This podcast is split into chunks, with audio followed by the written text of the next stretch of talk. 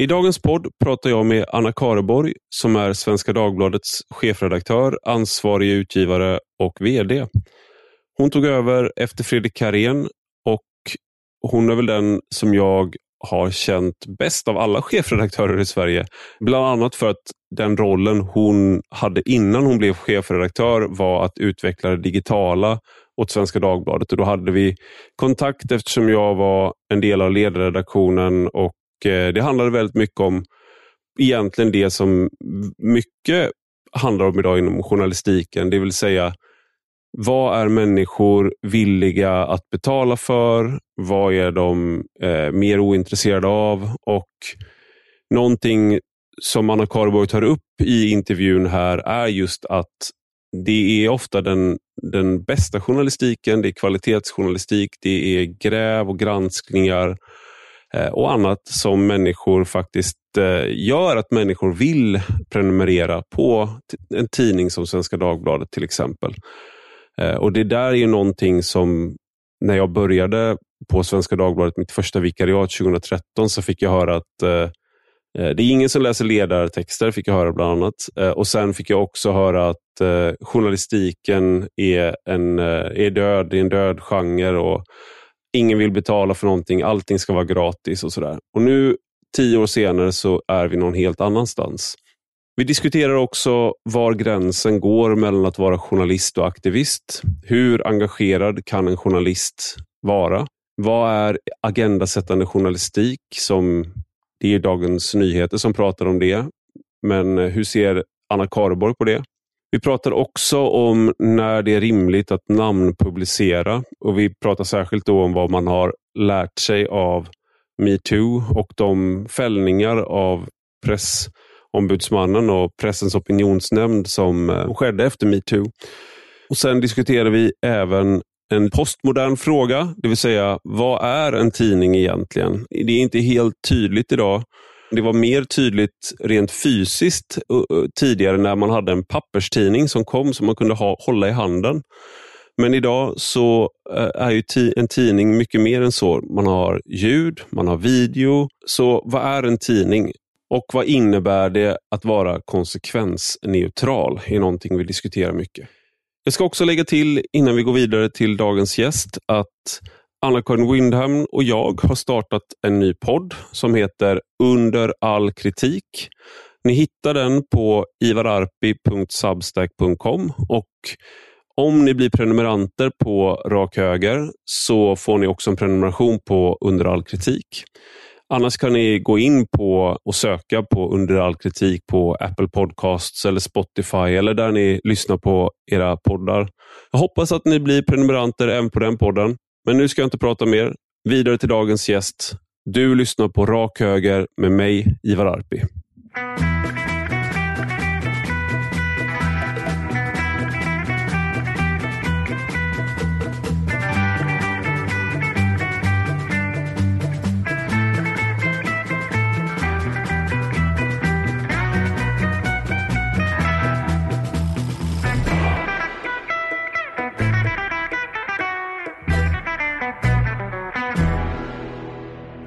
Välkommen Anna Kareborg till Rak Höger. Tack! Även om det är jag som har blivit välkomnad hit till Svenska Dagbladet eh, till ett eh, fint rum. Så det är jag som är välkommen egentligen. Men eh, du är ändå välkommen till podden som jag spelar in här nu. Då. Ja, ja. men tack och, och välkommen hit. Tack. Du har varit chefredaktör ett tag nu, men innan dess så var du eh, den som höll på med så premiumsatsning och liksom för att se hur man fick människor egentligen att betala för journalistik. Vilket ju, när jag, när jag hade mitt första vick här eh, 2013 så sa, de, sa folk att, ja, ett sa de att ingen läser ledarsidor och sen två, det är liksom en gratis bransch. Vi kommer aldrig kunna, så man kollade bara på klick. Men nu, nu har det gått ett tag sedan du höll på bara med det där. Nu håller du på med mm. det och jättemycket annat också. Mm. Hur har branschen förändrats skulle du säga? Ta er läsare vilja att betala för journalistik? Ja men absolut och jag tänker att när man blickar tillbaka så här, tio år som du gör eh, i tiden så är det intressant att, att, tänka på vad uppfattningen var då. För det var mm. ju precis det, eh, att det var en annonsaffär egentligen, digitalt.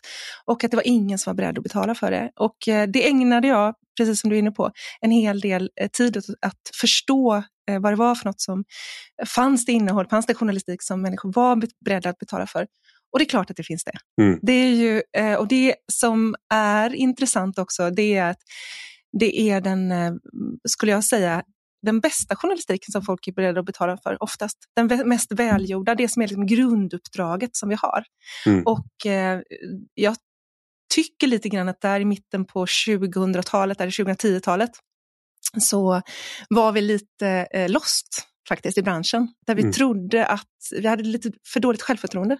Vi mm. trodde att vi inte kunde ta betalt för det som vi faktiskt då i Svenska Dagbladets eh, läge hade betal tagit betalt för sedan 1884. Ja. Och plötsligt då, bara för att vi bytte format, så skulle vi inte kunna ta betalt för det längre. Nej. Ja, men det var också det här med alla hade vant sig vid... Eh, först var det Metro och allt det här med gratistidningar mm. i papper. Och sen är allt gratis på nätet. Och sen blev folk, folk var liksom ovana vid att det skulle vara betalväggar. Folk var väldigt arga på betalväggar. Mm. Uh, och Det var väl jag också när de började läggas upp. För att man var helt enkelt van vid att allting skulle vara gratis. Men men nu så betalar jag ju för massa saker mm. själv. Uh, och Jag tänker att det är karma i mitt fall. Så att om jag betalar kommer folk börja prenumerera på, på min Substack och betala. Mm. Så att det är så jag tänker få tillbaka av all positiv energi jag ger ut. Men kan man se vad, vad är den här bra journalistiken? Vad är det för någonting från Svenska Dag, på Svenska Dagbladet till exempel som genererar liksom att folk eh, betalar för det och kanske stannar kvar? Jag tänker så här att vi eh, måste förstå vårt landskap och det liksom medielandskapet som vi är i. Och förstå, eh, tycker jag, liksom i, för den eh, tidsperiod som vi pratar om nu, det var också framväxandet av sociala nätverk. Jag brukar mm. kalla det sociala nätverk istället för sociala medier därför att mm. det är stor skillnad. Och eh, där eh, blandas alla typer av eh, information, eh, åsikter, jag menar allt möjligt, mm. eh, med journalistik. Och det är liksom journalistikens uppdrag som är eh, någonstans det vi måste hålla fast vid, för det är ett jobb som mm. vi gör åt, åt kanske dig som lyssnare eller dig som läsare eller eh, eh liknande. Då. Eh, och det är ju så att vi ehm, Gör vi det jobbet, och då är liksom bra journalistik, eh, välgjord journalistik, det journalistiska uppdraget, det är ju inte någonting som är ett helt annorlunda hantverk än tidigare. Eh, men eh, vi behöver slå vakt om det skulle jag säga i den här tiden. Mm. Så att vi verkligen eh, eh gör eh, ett bra jobb här. Mm. Att vi ställer de relevanta frågorna, att vi ger flera perspektiv och så vidare. Och det tycker jag att, det märker vi av det vi konverterar. Att ofta, och konvertera det är ju då att man får många prenumeranter ja, I, det. I, i det här lingot. Ja. Och, när vi, eh, och, och jag är väldigt glad över att det inte finns en motsättning i, i det. Eh, då på 2010-talet så pratade man mycket om klick och som skulle generera mer ögonpar. Det här är ju relationer man bygger. Och det vi är ju sedan 1884 i relationsbranschen kan man säga. Mm. Där man är, om man är en prenumererad tidning som Svenska Dagbladet är, så bygger det ju på att man inte far med liksom osanning, att man har en trovärdighet, att man gör det jobb som läsarna och prenumeranterna vill att man ska göra åt mm. den. Det här är en sån där, vad är det att vara journalist-fråga som har blivit, du tog upp sociala nätverk då. Samtidigt som det har gjort att vi blir väldigt personfokuserade. Så att du är en känd journalist med ett visst ansikte, namnet är igenkännbart och kanske är med i, ja, i Aktuellt och du har tydlig liksom, profil i sociala medier, um, sociala nätverk. Och, men, men samtidigt då att själva uppdraget kanske bygger på att du inte är särskilt personlig, inte är investerad i någonting. Hur tänker Svenska Dagbladet kring det där? Jag ska inte nämna andra tidningar här direkt nu, men andra tidningar har ju väldigt eh, tydliga journalistprofiler där de verkligen satsar på att det här är vår journalist som åker och eh, gör det här och skriver om det. Mm. Eh, Hur tänker du, finns det en motsättning mellan de här två trenderna eller det etoset och den trenden? Alltså det behöver inte finnas en, en direkt motsättning, men jag kan tycka, om man ska problematisera lite grann det här med att avsändarna är så mycket fokus i vår tid, så är det så att eh, nästan så att det blir mer fokus på avsändaren än vad eh, han eller hon för fram Mm. och själva innehållet. Och det tycker jag eh, kan vara problematiskt. Eh, och, eh, och också eh, vad ska man säga, inte eh, främja en, ett bra samtal eller liksom en diskussion kring, kring vad det är för något som är frågan egentligen. Mm. Att avsändare ställer sig någonstans i vägen eller emellan det som, som i själva verket är ämne för diskussionen. Mm. Eh, Så det kan, det kan jag tycka är, är problem- problematiskt.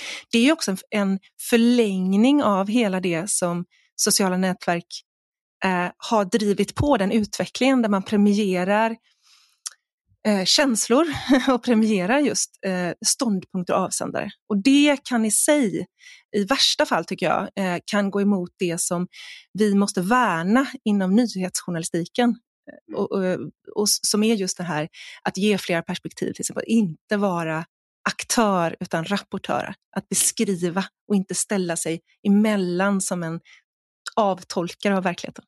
Just det, och det, det här går in i en av frågorna som att inför alla avsnitt jag gör, nästan, om jag inte spelar in spontanpoddar, så frågar jag eh, mina läsare om de har några frågor att ställa. Så nu sa Mm. jag att eh, jag skulle in- intervjua dig. Fast Yes. vi, det här är eh, andra, eller tredje gången gilt va? Eh, det har varit eh, olika vabbanden och eh, sjukdomar och grejer. Eh, men så jag, då fick jag in frågor och en av frågorna var just var gränsen mellan journalist och aktivist går. Och liksom hur engagerad en journalist eh, kan vara innan man anses då vara jävig eller så investerad att man inte längre tar in nya perspektiv. Mm. Ja, men jag eh, har ju en väldigt tydlig ståndpunkt här och Mm. det är att eh, man ehm, kan vara aktivist i alla möjliga lägen som människa, men då kan man inte heller vara faktiskt nyhetsreporter och bevaka ett ämne. Vi som eh, nyhetsreporter då, eh, så är det ju så att du, ditt uppdrag går ut på att du kan intervjua en aktivist, men inte vara en själv. Mm. Eh, Du kan eh, intervjua någon som, som gråter, men du kan inte sitta själv och gråta i studion, Mm. till exempel i en tv-studio. Eh, där, där har vi sett utländska exempel på det, när, Mm. när man har gått över gränsen. Och det eh, tror jag är helt förödande för, för trovärdigheten. Därför att när du väl har gjort det, eh, och Mm. då kan du få en omedelbar belöning i form av att du får massor av... av eh, Starkt. Eh, liksom det är starkt, du får massa Mm. respons. Du får eh, eh, kan få mycket läsning till exempel, eller tittning. Men jag tror verkligen att det är förödande. Därför att det är så att eh, då har du ju gått utanför din roll och ditt uppdrag. Mm. Eh, och då har eh, du devalverat det, skulle jag säga. Här är ju då, Eh, det finns en pågående väldigt livlig diskussion om det här inom akademin också. Göteborgs universitet har en pågående sån här eh, forskaren som aktivist seminarieserie och det är ju väldigt, egentligen är det ungefär samma diskussion eh, för att en forskare då anses, man ska söka sanningen, säga det som är rätt oavsett sin egen eh, preferens. Och det är ju något liknande med journalistiken men samtidigt så, så är det ju det här med vad är fakta? För du måste sätta ihop, så att säga, om du kollar på stjärnhimlen så är det bara stjärnor. Mm, den som säger att nej, nej, det är olika stjärnbilder, titta här, du ser, drar strecken. Så måste du ju ha någon slags teori, någon slags förståelse av världen som du utgår ifrån. Och i det, i det avseendet så är ju journalister, väl, är det egentligen en omöjlig uppgift på ett sätt att då vara så. För du måste ju ändå, för att det ska bli förståelig prosa så att säga för läsare, så måste du ha en teori om vad det är du beskriver egentligen. Eller hur tänker du? Jag tänker att det är eh, intressant därför att vi, du och jag har ju väldigt olika, på ett sätt olika utgångspunkter här i den här diskussionen. Mm. Därför att du har ju en bakgrund som opinionsskribent och, och, och är tydlig åsiktsdriven. Eh, och, och på, precis, eh, du var ju en del av ledarredaktionen på Svenska Dagbladet Mm. för några år sedan. Och då uppdraget var att, att bilda opinion. Mm. Att kunna visa på, men på ett tydligt, transparent sätt, kunna visa liksom att det här är min ståndpunkt och här, det här är min utgångspunkt och så här ser jag världen. På det här sättet har jag fel. Ja. ja. Precis. Men, och, och jag tänker att, att utifrån min eh, ståndpunkt, eh, jag är ju fostrad i, som nyhetsreporter och på en nyhetsredaktion, så eh, så är det eh, mitt uppdrag, då, eller det, det, det, uppdraget handlar väldigt mycket om att gå ut, ställa frågor, eh, eh, visa på just flera sätt att se på världen Eh, och, eh, och sen eh, låta då dig som läsare bilda en egen uppfattning om det. Mm. Så att vi, vi har, vi, eh, det här med att man, att man omöjligen skulle kunna vara då vad man kallar för liksom opartisk eller lyfta fram någonting. Det skulle jag säga är, är liksom en, en, en utgångspunkt som bygger på att man inte tror på hantverket journalistik, nyhetsjournalistik, därför att det är ju att också lyfta fram eh, flera perspektiv, flera sidor, flera sätt att se på det. Och sen är det självklart så att vi kan, vi kan inte gå mot en eh, det här med falsk balans till exempel. Att det, det, det finns, det orimliga, det finns orimliga situationer mm. där man säger att nej men, jorden är platt. Mm. Eh, och, och, så ger man utrymme för Här för har vi en som tror på förintelsen och här har vi en som ja. inte, det är falsk balans. Då. Sanningen ligger alltid lite mittemellan är ju den tanken då på något sätt som ligger i grunden där. Ja, och, och, och, jag tycker, eh, och nu kanske eh, blir jag lite hårdragen här, men eh, du, när du säger sanningen mm. så, så, blir jag alltid, eh, som, som därifrån jag är sprungen, så känner jag alltid lite grann det här eh, vad som är gott och ont och vad som är falskt och sant. Vi ska akta oss för det.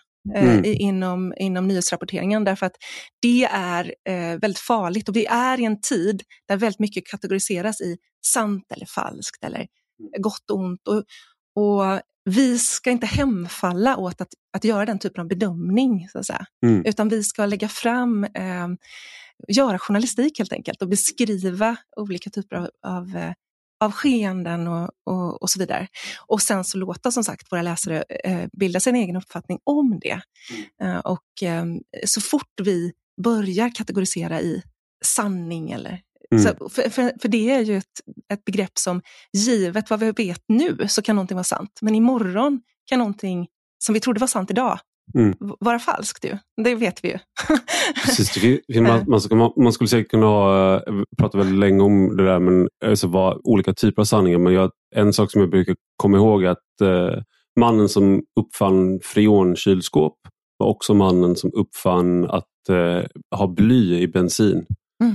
Eh, så han var liksom en, mm. han, var ju liksom, han dödade antagligen fler människor än någon atombomb mm. någonsin har gjort. Mm. Men båda uppfinningarna var fantastiska när de kom. Ja. Men eh, så, han var, det var ett trist eftermäle för honom kan ja. man säga. Ja. ja. det var inte avsikten. Nej. Men, och Det är väl en typ av sanning. En annan typ av sanning är var det han som höll i pistolen vid det tillfället när den här människan blev skjuten. Det är, och där mm. kanske det är, finns en sanning. Men mm. sanningen om global uppvärmning är svårare till exempel. Vi går också in då i en annan fråga som många har undrat över är vad är alltså vad agendasättande journalistik är och det är ju någonting som när Peter Wolodarski tillträdde som chefredaktör eller om det var strax därefter så sa han att det är en, vi ska vara agendasättande. Vad, vad, vad, är din uppfattning om vad, han, eller vad det är och är det någonting som SvD eftersträvar? Som på det sättet som Wolodarski då eh, sa att han gjorde. Det är ett begrepp som jag aldrig använder faktiskt.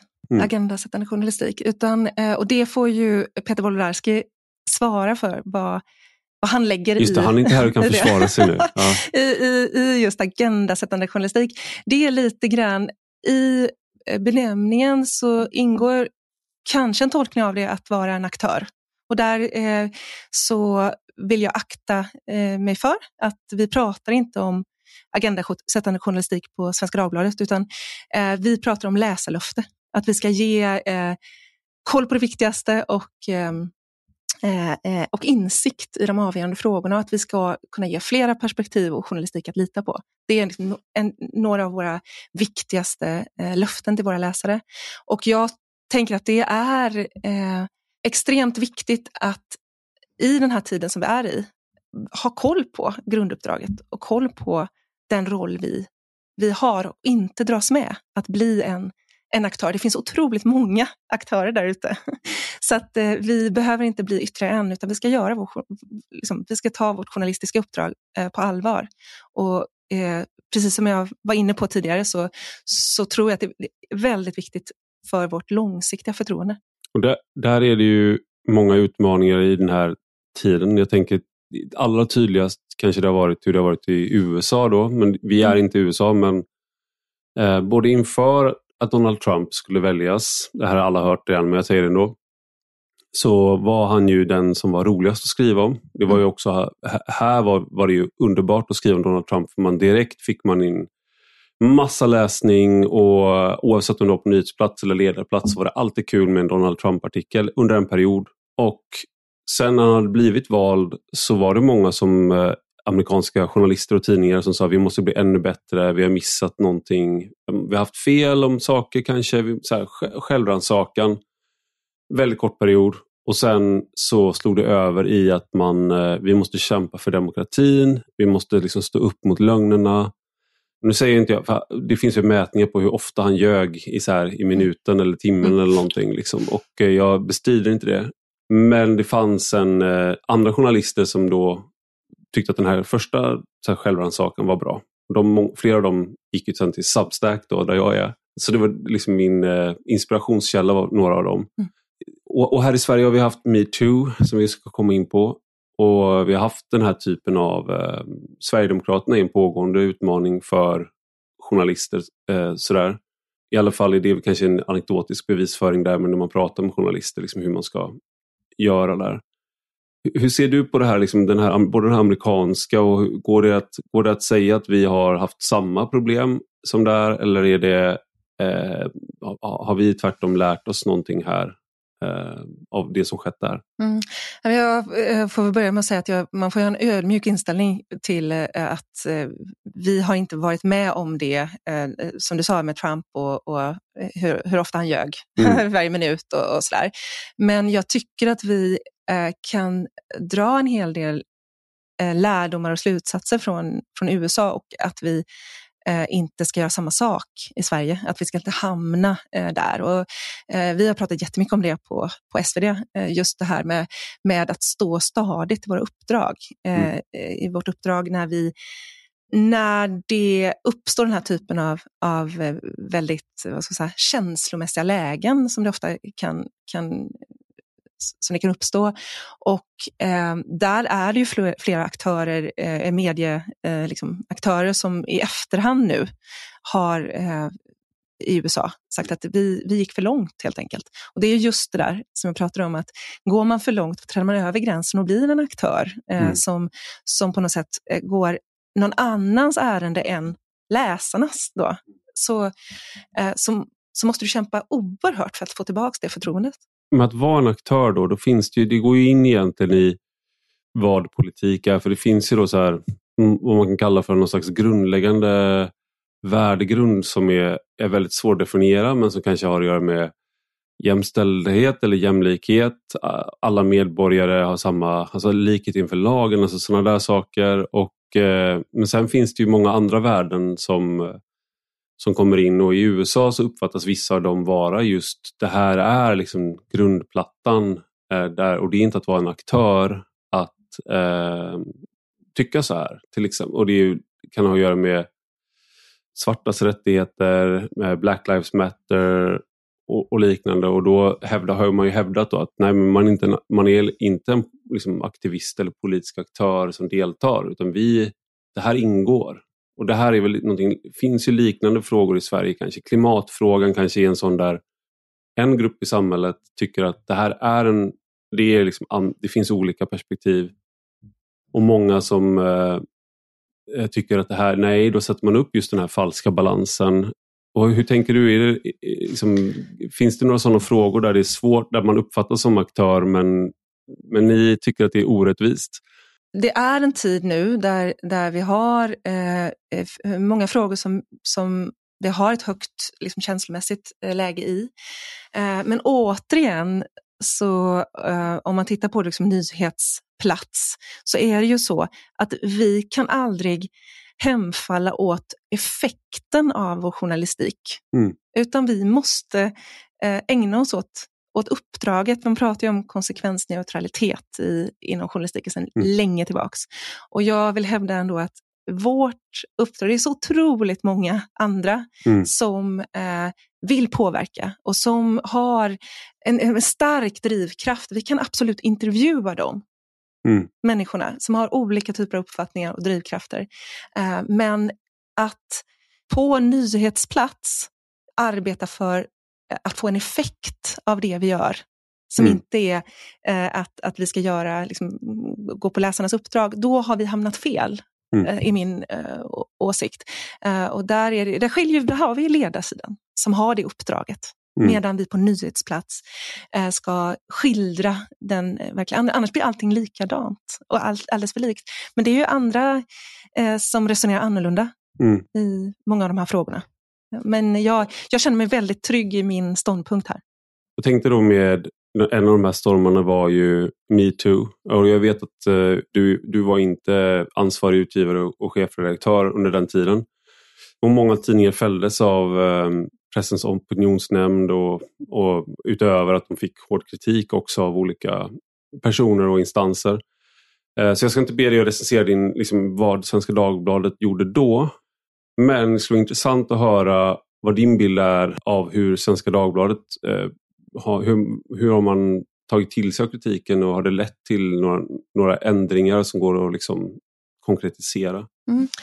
Jag kan inte, eh, precis som du är inne på, så, så kan jag inte beskriva hur, eh, då, eh, Mm. för det, jag var inte ansvarig utgivare då, men jag tycker att det var intressant. Lina Makbul var ju gäst hos dig härom sistens och pratade om det här och jag, jag tycker att det är ofantligt viktigt att vi har liksom en ödmjuk och lärande inställning till detta. Mm. Eh, Därför att vi har eh, inom journalistiken enorm makt och den ska vi använda ansvarsfullt. Mm. Och eh, På det sättet så, så kan man säga att metoo som precis eh, alla andra typer av liksom, stora nyhetshändelser som, som medför massor av känslor, då är det återigen så att vi behöver ännu mer då ägna oss åt vårt grunduppdrag, ha på fötterna i det vi publicerar, eh, inte återpublicera andras eh, liksom, nyheter eh, utan förbehåll och titta på det själva och ehm, få gå ut med flera perspektiv. Och Mm. det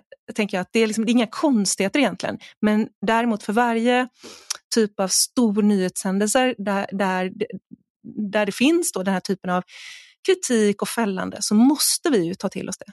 Och vi måste förstå att, att eh, vi har en makt och, och att vi också eh, ska jobba utifrån att ja, leva upp till eh, det som vi har sagt och att vi ska leva upp till.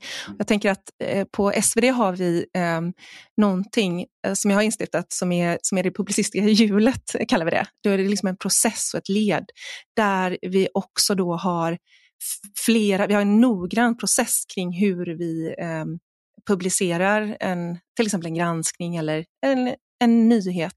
Mm. Eh, och en sak som kanske många inte är med på, eh, det är, ibland tycker jag att man kan likställa ett inlägg i sociala nätverk med en artikel som skrivs inom ramen för till exempel en morgontidning. Då. Mm. Och hos oss så har vi ju flera led. Vi har liksom en reporter, sen har vi en nyhetschef Mm. och sen har vi en avdelningschef som kan, och sen kan avdelningschefen lyfta det till en av två ställföreträdande ansvariga utgivare och sen kan de i sin tur lyfta det till, till mig. Mm. Så att vi har liksom Och då flera blir led. du väldigt arg.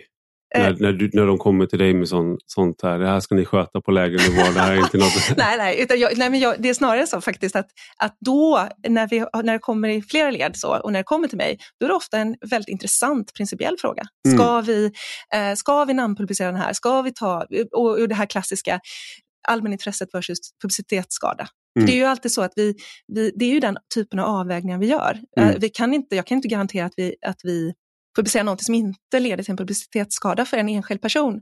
Men Mm. om allmänintresset är så stort så, så är det ju någonting som vi ja, ska göra helt enkelt. Vi bör publicera det.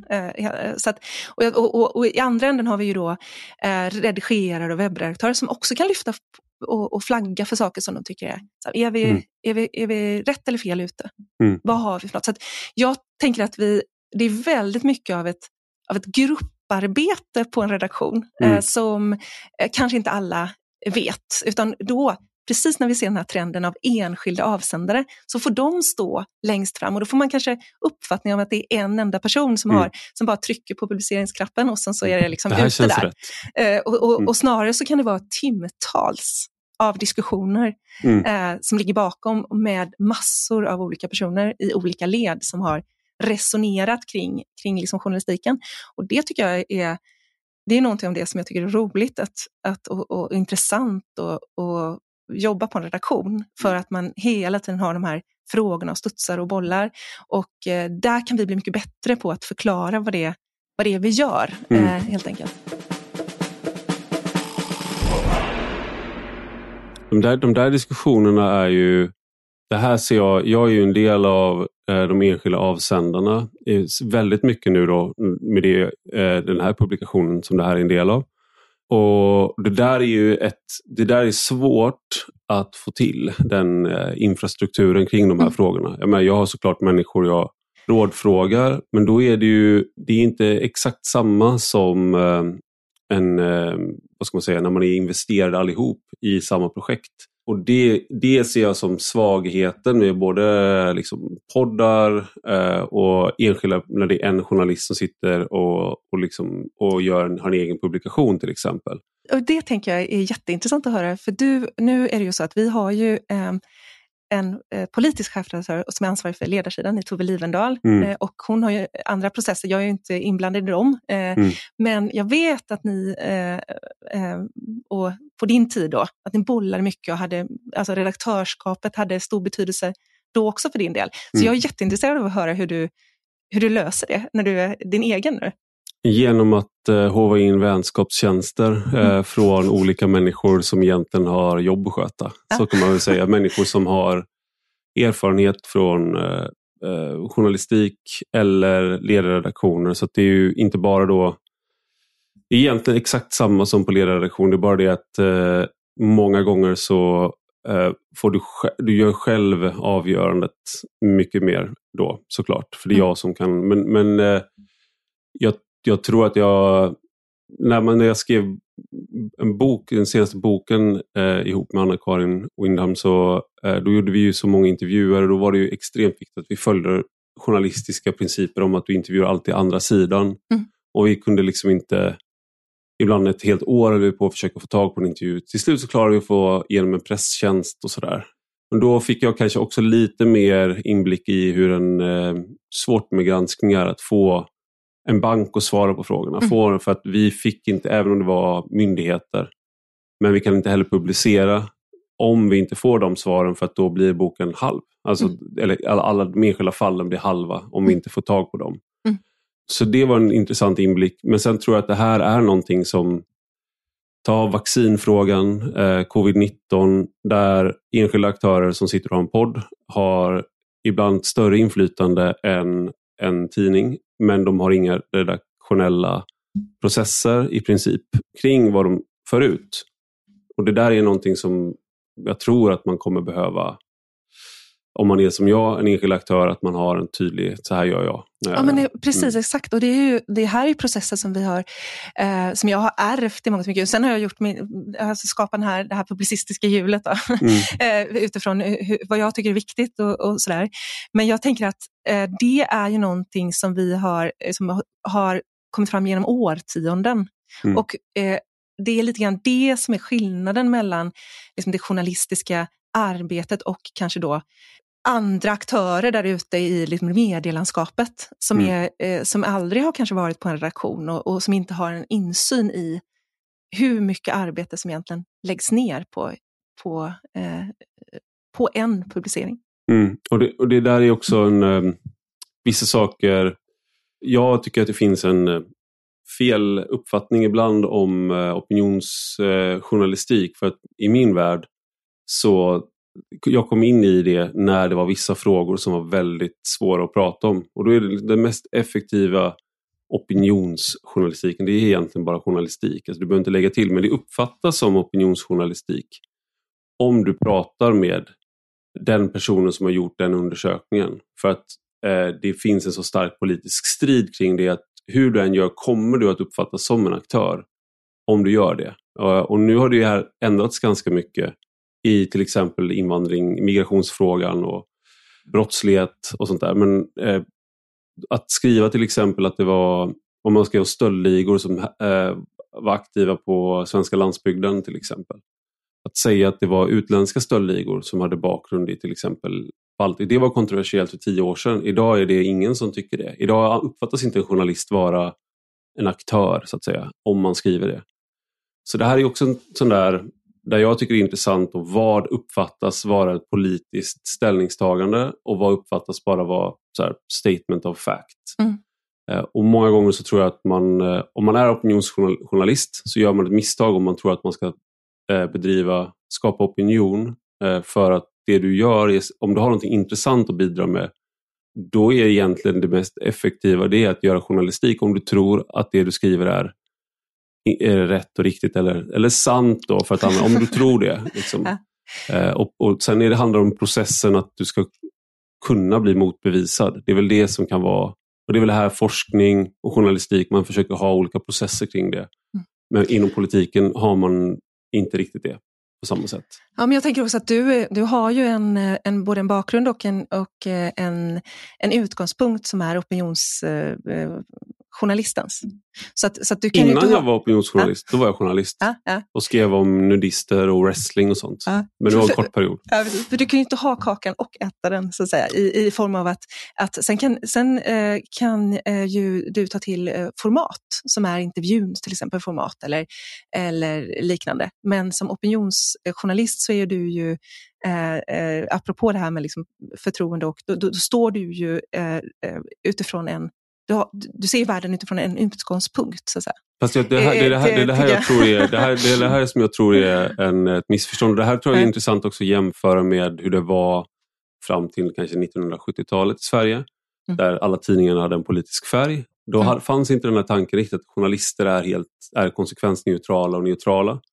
Eh, det var mycket tydligare färg. Och om man går till andra länder så är ju tidningarna ta ställning i vem de vill, ska, mm. vilket parti som ska vinna valet och liknande. Eh, I USA är ett bra exempel på det också där man har väldigt tydlig eh, liksom, färgning av olika politiska åsikter och sådär. Även på nyhetssidor. Och bara om man hoppar till Danmark så finns ju inte ledarsidor på det sättet utan där är det ju mer som en Anna Kareborg, fast en Anne Kareborg, eh, som skriver då eh, mer åsikter eh, för att man som chefredaktör har en sån roll i danska tidningar. Mm. Men där ifrågasätts inte riktigt att det här är då någon som alltid går runt med de här glasögonen utan det är snarare då att i den här frågan så har jag sett det här, det här tycker jag är viktigt och det här måste vi ta upp eller det här har jag sett. Mm. Ja, men jag, vi, jag, jag, ser det som att jag kan stå på barrikaderna och skriva det här om, om journalistiken och journalistikens förutsättningar. Jag skulle akta mig för att, att skriva eh, om brännande frågor som kan påverka eh, nyhetsreporterna som jag är ytterst ansvarig för. Mm. Men det är ju olika, till, till och med i Sverige har vi olika syn på det där. Eh, att, ingen nämnde, ingen glömde. precis. Så att för mig tycker jag, jag tycker det är jätteviktigt. Mm. Jag tycker också att det är intressant för det här, det här eh, som du för fram om vår tradition, det är ju eh, eh, det kan man ju göra, eh, men framväxten av att, av att på nyhetsplats eh, försöka ändå ha liksom ambitionen att skildra olika sidor, det, den växte ju fram utifrån egentligen ett, ett läsarbehov kan man säga. Eh, att, att skilja på eh, liksom opinionssidor. Mm. Vi, har ju, vi pratar mycket om ledarsidan nu, men vi har debatt också och så vidare. Och sen eh, liksom nyhetsplats. Så det, och jag tror ju att, eh, att det finns en poäng i att värna det. Mm. Det finns ju eh, forskning vid Göteborgs universitet om sällananvändare mellan 20 och 30 år eh, som är intressant tycker jag att ta del av. Därför att eh, man kan ju ha en uppfattning om att ja men okej, de som är lite yngre då, eh, generationerna, de växer upp med de här liksom, sociala nätverken, det här liksom, åsiktsinfluens ehm, eh, liksom, drivna. Eh, men i den undersökning som, som kom nu, en rapport här i, i vintras, då efterfrågar de egentligen precis det som är grundbulten i de vill ha Svenska Dagbladet. Otroligt. Nej, men, nej, journalistiken, alltså, du vet, de, de vill ha skillnad mellan opinionsjournalistik och, och, och, och nyhetsjournalistik. De vill ha mer transparens och det mm. måste vi ta till oss. Mm. Uh, och, eh, och förstå mer vem som är, liksom, vad, hur, hur har det här eh, var kommer det här ifrån? Mm. Alltså, eh, och det är Ulrika Andersson som har gjort den eh, forskningen. Hon menar ju att det är den första källkritiska eh, generationen nu som har mm. lärt sig i skolan att vara väldigt källkritisk. Så vårt uppdrag nu det är ju väldigt mycket att, eh, att bygga tillit mm. och inte ta den för givet. Eh, och det gör vi ju med mer transparens och mer liksom, och, och, och, jag är helt övertygad om att det gör vi genom att skilja mer på opinionsjournalistik och nyhetsjournalistik, inte att blanda ihop dem. Det är intressant. Jag, eh, jag tror att, det med att skillnaden mellan opinions och nyhetsjournalistik är ju just det transparens men framförallt är det hur, ehm, att man redovisar hur man har kommit fram till saker. Och det är egentligen så är ju det, kan det vara ganska liten skillnad då om du har, för att om du är opinionsjournalist och blir påkommen med att ha eh, ljugit eller att du är oetisk i hur du hanterar källor, då kommer du ju inte heller ha förtroende. Så, ja, det, förtroende ja. det, så det, I grund och botten är det så här att uh, här sitter jag som då har en bakgrund som opinionsjournalist och säger att man, ni kan ha förtroende för mig. Och, och du säger att fast ja, men det är en annan typ av förtroende, säger du. Men i grund och botten är det upp till läsare att själva bedöma det. Men jag, det jag tror att vi, man, man, kan enas om är att om du är transparent med hur du kommer fram till olika slutsatser, då, då tänker jag att mycket av opinionsjournalistiken kanske blir liksom överflödig. Däremot är det intressant med eh, hur du tycker att vilka är relevanta utsagor här och varför. Och, och sen kan människor själva bestämma sin uppfattning. Mm. Det kanske är hur man skriver många gånger som kan vara en stor skillnad också där. Mm. Jag, jag, tänker också att, eh, att uh, uppdragen är olika men de behövs. Uh, så det, det, är ju uh, jag tror det behövs många gånger färre ledarsidor än vad som finns. Men jag, jag, jobbar inte längre på en ledarsida så jag, har ju, jag har ju faktiskt agerat på den tanken nu. Då. Men jag tycker en, en annan sak som är intressant är liksom att jag får ju ibland mejl från, från personer som hotar med att säga upp sin prenumeration för att de inte håller med om en skribents åsikt. Mm. Och då, Det tycker jag är intressant, därför att då, det är ju, då har man också eh, till viss del missuppfattat eh, själva ärendet, alltså vårt ärende. För mm. att om du vill bli eh, struken medhårs, då finns det andra eh, liksom, aktörer där ute. Men mm. däremot så måste man ju bli utmanad mm. i tanken mm. och få just flera perspektiv. Så det, vi måste eh, göra ett bättre jobb där, tänker jag, eh, mm. som, som tidning, eh, att, att förklara vår roll i det här nya liksom, medielandskapet. De här namnpubliceringarna bara, jag, jag vet att eh, du är en väldigt aktiv chefredaktör även om inte alla utifrån ser men så nu är det en avtackning som pågår och jag tar din tid från att uh, gå bort till den. Uh, jag tänkte bara, det var ju just i samband med metoo så var det ju att man, många tidningar namnpublicerade Benny Fredriksson på basis av anonyma anklagelser. Men nu har det också varit då Eh, Eh, ett sådant fall som, som har vissa likheter. Och det var ju Mats Löving som eh, fått eh, anklagelser om att han har eh, nu kommer jag inte ihåg exakt vad det är han har gjort mot Linda Stav men han har varit överordnad och missbrukat den positionen och haft någon typ av relation. Och sen så var det en utredare då som utredde det här, sände sin eh, presskonferens, den direktsändes i flera medier. Och sen begick då Mats Löving, han tog sitt eget liv. Det är dels det och sen eh, är det ju nu har det varit en stor eh, grej med eh, där eh, tidigare partisekreteraren Johan Ingerö, Kristdemokraterna, anklagas för sexuellt ofredande av Europaparlamentarikern för samma parti, Sara Skyttedal. Och man namnpublicerar där också. Vad är, skill- vad är, är det någon skillnad här i liksom varför man namnpublicerade där till exempel, alltså de här namnen och Eh, är det bara en fortsättning på då metoo-stämningen i de här fallen eller har det varit en eh, redaktionell tanke med att namnpublicera? Ja, men det, varje fall eh, har ju, är ju unikt. Det känns som en klyscha att säga det, men så är ju ansvariga utgivarskapet. Mm. Att man måste titta på just det här med allmänintresse versus publicitetsskada. Eh, och eh, inte minst i, i i situationer där det är kanske också en begränsad, begränsat antal eh, människor, om det är högt allmänintresse och, och så vidare. Kring, kring liksom, eh, för nu, nu, tar, nu, nu, tog du flera olika fall på en och samma gång. här. Ja, vi kan börja med Mats vi, Löving. Ja, vi börjar med Mats Löving och, och eh, det fallet så var det ju eh, ett stort allmänintresse när det är eh, liksom vår svensk polis högsta ledning mm. som, eh, som eh, utreds för, för, för brott. Eh, så att där var eh, eh, det så att eh, där kändes det ganska naturligt att namnge. Men i samma stund som vi namnger någon så är det också så att vi det får också konsekvenser av att vi måste titta på vad är det för något vi, hur skriver vi om detta också? Mm. Vad är det vi publicerar? Eh, och där tycker jag att det är en intressant sak som vi har diskuterat eh, både på våra återkommande veckomöten som vi har om journalistiken eh, på, på redaktionen men också i redaktionsledningen. Det är också det här när en polisledning och dess utredare på en direktsänd presskonferens går ut med mer kanske då integritets liksom, kränkande mm. uppgifter eller nära uppgifter eh, än vad, vad kanske vi eh, skulle komma eh, fram till i en bedömning eh, av publicistik.